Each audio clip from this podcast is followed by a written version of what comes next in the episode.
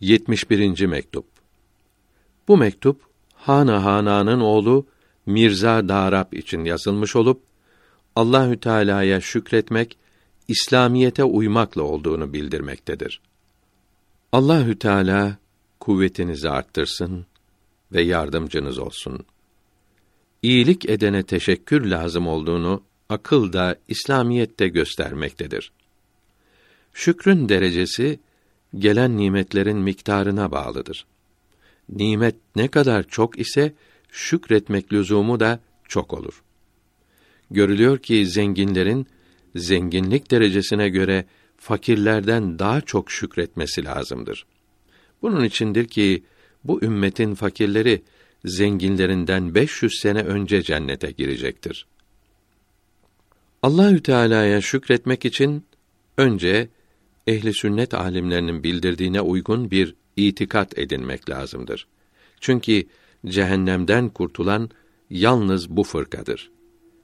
İtikadı düzelttikten sonra İslamiyete uygun hareket etmelidir. İslamiyeti de bu fırkanın müçtehitlerinin kitaplarından öğrenmelidir. Dinden haberi olmayan reformcu müftiden, cahil hafızdan, dinsizlerin gençleri aldatmak için gazetelerdeki dini metheden aldatıcı yazılarından öğrenmemelidir. Bundan sonra ehli sünnetten olan tasavvuf büyüklerinin gösterdiği yolda kalbi tasviye ve nefsi teskiyeye sıra gelir. Şükrün bu üçüncü kısmı şart değil ise de faidesi pek büyüktür. Fakat iki önceki kısım şarttır. Çünkü İslamiyetin aslı, temeli bu ikisidir.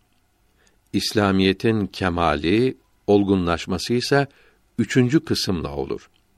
Bu üç kısım yani ehli sünnet itikadı ve İslamiyetin emirleri ve tasavvuf büyüklerinin yolu dışında kalan her şey sıkıntılı riyazetler ve şiddetli mücahedeler olsa dahi hep günahtır ve itaatsizliktir ve şükretmemektir. Hint Brehmenleri ve eski Yunan felsefeleri çok riyazet ve mücahede yaptı. Fakat peygamberlere aleyhisselam uymadıkları için Allahü Teala'ya şükür değil, günah oldu. Hiçbiri kabul edilmedi. Kıyamette cehennemden kurtulamayacaklardır.